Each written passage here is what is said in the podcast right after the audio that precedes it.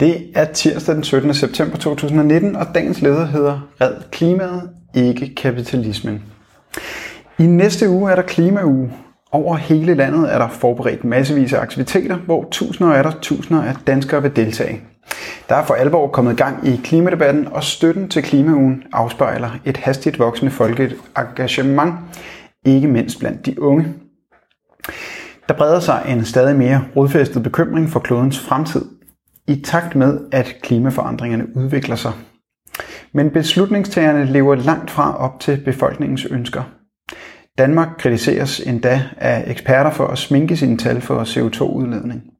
Og Danmark vil ikke engang leve op til de helt utilstrækkelige reduktioner af CO2-udledningen, som ligger i Paris-aftalen. Grøn bæredygtighed sikres ikke med indførelse af såkaldt grønne afgifter, senest i form af højere skat på flyrejser. De øger blot uligheden i samfundet. Affaldssortering, kostomlægninger og genbrug er gode og nødvendige skridt, hvor befolkningen er klar til at bidrage, hvis de kollektive rammer og betingelser skabes. Men den største mangel i klimadebatten er fortsat, at man ikke lægger hovedansvaret, hovedansvaret på den overklasse, som eksisterer i kraft af en vedholdende rovdrift på både natur og mennesker. Den danske containerflåde udleder mere CO2 end den samlede danske befolkning.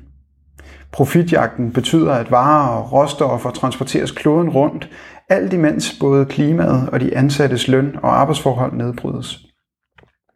Den industrielle stordrift i landbruget er på ingen måde tilrettelagt med henblik på bæredygtighed, men er en af de helt store klimasyndere, både når det gælder udledning af CO2, mangel på dyrevelfærd og forurening af de indre danske farvande og grundvandet.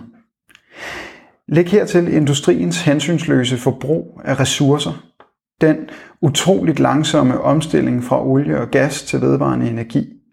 Industriens og landbrugets hovedaktører er drevet af bundlinjer og ikke af bæredygtighed.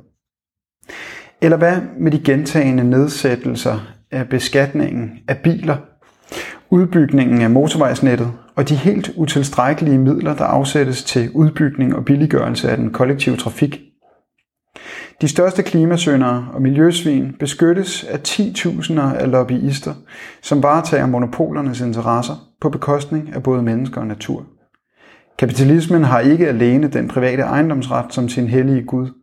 Forbrugerismen, køb og smid væk kulturen, er skabt af selve den kapitalistiske produktionsmåde. Den er drevet af profitjagt, ikke af at dække menneskenes behov. Kapitalismen må afskaffes for at redde klimaet og sikre menneskehedens fremtid. Du har lyttet til dagens leder fra Arbejderen. Abonner på vores podcast på iTunes eller hvor du ellers hører din podcast. Du kan også klikke ind på arbejderen.dk for meget mere journalistisk indhold. Du er også velkommen til at følge Arbejderen på Facebook, Instagram eller Twitter, samt tilmelde dig Arbejderens daglige opdatering på Messenger.